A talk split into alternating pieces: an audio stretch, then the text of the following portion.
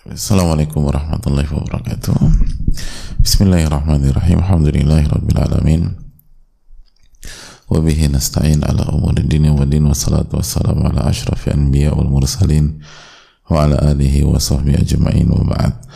Allahumma salli wa sallim wa barik wa an'im ala nabina Muhammadin wa ala alihi wa sahbihi ajma'in. Hadirin Allah muliakan Alhamdulillah kita panjatkan puji dan syukur kita kepada Rabbul Alamin atas nikmat yang Allah berikan kepada kita. Nikmat iman nikmat hidayah nikmat Islam.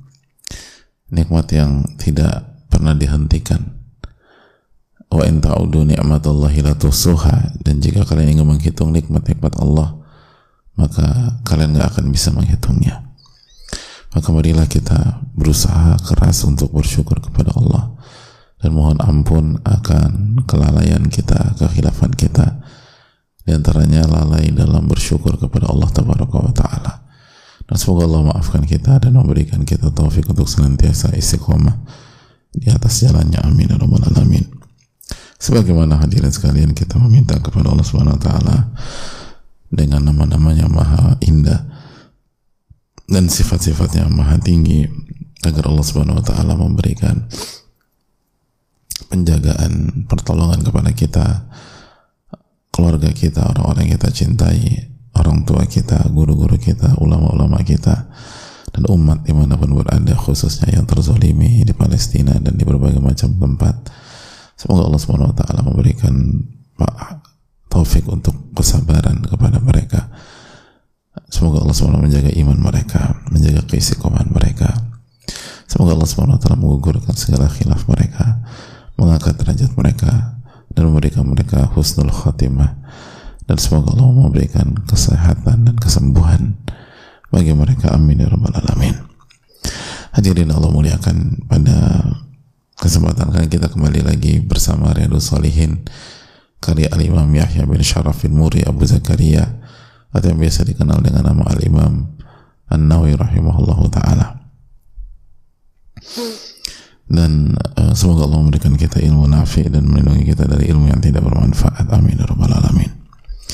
Kita masuk ke hadis berikutnya hadis Ibnu Umar yang disampaikan oleh Al Imam An-Nawawi rahimahullah taala. Di hadis yang ke-353 berkata Al Imam An-Nawawi rahimahullah taala rahmatan wasi'ah. Semoga Allah merahmati beliau keluarga beliau orang tua beliau guru-guru beliau semoga Allah merahmati seluruh umat di mana pun berada. Amin ya rabbal alamin. Beliau menyampaikan rahimahullah wa an ibni Umar radhiyallahu ta'ala anhuma anna Nabi sallallahu alaihi wasallam qala dari Ibnu Umar radhiyallahu ta'ala anhuma Nabi kita sesungguhnya Nabi kita sallallahu alaihi wasallam bersabda Arani fil manami aku atau dalam tidurku aku bermimpi dalam tidurku aku bermimpi. Atasawwaku bisiwakin faja'ani rajulan. Uh, aku bersiwak dengan kayu siwak. Jadi aku bersiwak dengan kayu siwak. Tiba-tiba pada saat itu datanglah dua orang. Dua dua orang datang. Ahaduhuma akbar minal akhar. Salah satunya lebih tua dibanding yang lain. Salah satunya lebih besar daripada yang lain fanawaltu siwaka as al asgar lalu aku berikan siwak itu kepada yang lebih kecil kepada yang lebih muda. Fanawaltu siwaka al asgar aku berikan siwakku aku berikan siwak ke yang lebih muda atau yang lebih kecil. Fakirali maka dikatakan kepadaku kabir yang lebih tua yang lebih tua fadafa'tuhu ilal akbar minhuma. Maka aku berikan siwak itu kepada yang lebih tua yang lebih besar dari keduanya. Rahu Muslim Musnad dan Bukhari ta'liqan. Diriwayatkan Imam Muslim secara mus, uh, dengan sanad dan diriwayatkan Imam Bukhari secara ta'liq. Hadirin Allah muliakan. Sekali lagi Ibnu Umar menceritakan Nabi SAW bersabda beliau tidur lalu beliau bermimpi. Dalam mimpi itu beliau bersiwak. Tiba-tiba datang dua orang yang salah satu lebih tua dari yang lain. Lalu Nabi SAW memberikan siwak ke yang lebih muda. Lalu dikatakan kepada beliau Sallallahu Alaihi Wasallam kasih kabir yang lebih tua. Maka beliau memberikan yang siwak kepada yang lebih tua. Dan uh, hadis diriwayatkan Imam Muslim. Uh, simple hadisnya hadirin sekalian tapi sekali lagi memberikan pesan yang penting bagi kita. Di antaranya hadirin Allah hadis ini menjelaskan kepada kita bahwa uh, disunahkan untuk bersiwak. Dan mayoritas ulama mengatakan bahwa siwak itu sunnah dari Nabi kita SAW disunahkan untuk bersiwak atau sekarang sikat gigi. Siwak itu sikat gigi. Bagi yang tidak tahu siwak siwak membersihkan gigi dengan kayu siwak. Kayu siwak itu jenis kayu siwak. Lalu dibersihkan dan uh, kayu siwak cukup cukup apa? Cukup uh, bisa didapatkan di di Indonesia. Atau kalau kita umrah itu di dekat Masjidil Haram itu banyak sekali yang jual kayu siwak untuk dibersihkan di di atau membersihkan gigi kita. Jadi dibuka dulu ininya uh, kulitnya yang ada yang yang menutupi. Lalu digigit-gigit serabutnya lalu digunakan untuk gigi kita. Dan hukumnya sunnah. Hukumnya sunnah. Atau pakai sikat gigi sekalian tapi yang paling afdal ya pakai uh, kayu siwak itu. Dan disunahkan di setiap waktu. Dan yang paling afdal waktunya itu sebelum sholat. Dan setelah wudhu. Bahkan sebagian ulama mengatakan itu salah satu sunnah wudhu. Jadi sekali lagi uh, disunahkan kapan pun uh, tapi yang afdal adalah sebelum sholat atau setelah wudhu. Kecuali kalau bagi yang berpuasa ya, sebagian ulama seperti Syafi'iyah memakruhkan bagi orang yang berpuasa. Tapi itu khilaf para ulama bagi orang yang berpuasa. Tapi intinya uh, secara umum hukumnya disunahkan. Allah taala alam jadi ini menunjukkan pentingnya siwak dan lihat bagaimana Islam itu agama yang menjaga kebersihan. Sunnah Nabi SAW itu membersihkan gigi sikat gigi. Dan ini menunjukkan bahwa sunnah Nabi SAW sangat luar biasa dan sangat menekankan masalah kebersihan dan di antaranya kebersihan mulut kebersihan gigi. Dan ini seharusnya membuat kita semakin beriman kepada Allah Subhanahu Wa Taala dan Rasulnya Shallallahu Alaihi Wasallam.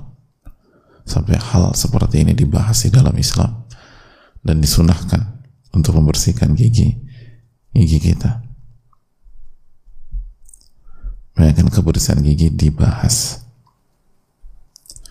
Nabi SAW mengatakan laula an ala ummati kalau saja tidak memberatkan umatku la martum bisiwaki ma'akuli wudu aku akan perintahkan mereka untuk bersiwak di setiap wudu dalam riwayat di setiap sholat. Hadirin Allah muliakan bahkan uh, Al-Alama San'ani rahimahullah mengatakan hadis yang membahas tentang siwak itu lebih dari 100 hadis. Allah Akbar. Lebih dari 100 hadis. Lihat bayangkan urgensinya membersihkan gigi dan penekanan Rasulullah Sallallahu Alaihi Wasallam ini pelajaran mahal bagi kita. Lalu yang berikutnya hadirin sekalian, kembali hadis ini menjelaskan kepada kita pentingnya memuliakan yang lebih tua, memprioritaskan yang lebih tua. Sampai sekali lagi ketika siwak itu diberikan ke yang lebih muda, dikatakan kabir yang lebih tua. Yang lebih tua. Makanya para ulama seperti Ibnu Battal mengatakan dari sini uh, disyariatkan memprioritaskan atau menomorsatukan yang lebih tua dalam siwak. Kalau kita mau kasih kayak siwak kasih kepada yang lebih tua dulu. Wa yaltahiq bihi dan dan ini pun juga mencakup makanan kalau kita ingin ngasih makanan prioritaskan yang lebih tua. Wasyarab. Dan kalau kita ingin memberikan minum maka kasih dulu yang lebih tua. Wal masyi wal kalam. Dan kalau uh, mau berjalan itulah prioritaskan yang lebih lebih tua. Gitu. kalau misalnya apa mau masuk mau masuk apa pun pintu dibuka kita mau masuk prioritas yang lebih tua.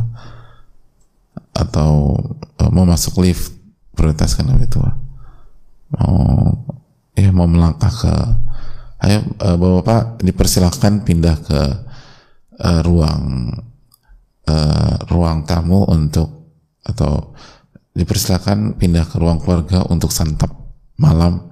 Maka prioritaskan lebih tua dulu untuk ini. Uh, kita minta kesediaannya bagi hadirin sekalian ke ruang uh, ke ruang ruang tamu kita akan memulai acara kita. Prioritaskan yang lebih tua dulu. Itu disunahkan. Wal kalam dan berbicara. Ya, sebagaimana ketika Nabi SAW menstop Abdurrahman kabir kabir yang berbicara yang lebih tua dulu. Yang berbicara yang lebih tua. Sebagian ulama mengatakan ini kalau tidak ada atau ini kalau urutannya belum ditentukan. Kalau urutannya sudah ditentukan ya baik maka ikuti urutan. Tapi pada dasarnya prioritaskan yang lebih tua. Prioritaskan yang lebih tua. Dan uh, dan ini akan membuat kita dimuliakan oleh Allah Subhanahu wa taala.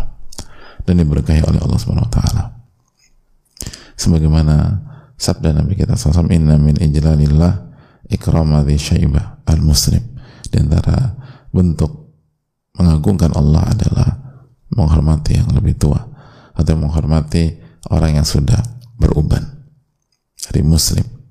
Sebagaimana sudah kita katakan jadi prioritaskan yang lebih tua di ber, berbagai macam kesempatan dan kegiatan siwak memprioritaskan makan. Kalau misalnya ngantri makanan yang lebih tua dulu di, di, di persilakan untuk ngantri. Atau ngambil sesuatu yang tua dulu. Gitu lah. Kita lagi ngantri belakang kita yang lebih tua pak, pak silakan duluan pak. Gitu insya Allah kita akan menjadi pribadi yang sangat menyenangkan di tengah-tengah lingkungan kita. Dalam mengamalkan sunnah Rasulullah SAW dan kita akan dimuliakan ini hal yang perlu ditekankan. Prioritaskan yang lebih tua, prioritaskan yang lebih tua, prioritaskan yang lebih tua. Maka kita akan dimuliakan oleh Allah Subhanahu wa taala karena itu bentuk mengagungkan Allah Subhanahu wa taala. Saya rasa cukup sampai di sini untuk kesempatan kali ini dan semoga kita bisa amalkan uh, konsep ini kabir prioritaskan yang lebih tua. Aku lakukan hadza subhanaka wa la ilaha illa anta ilaik assalamualaikum warahmatullahi wabarakatuh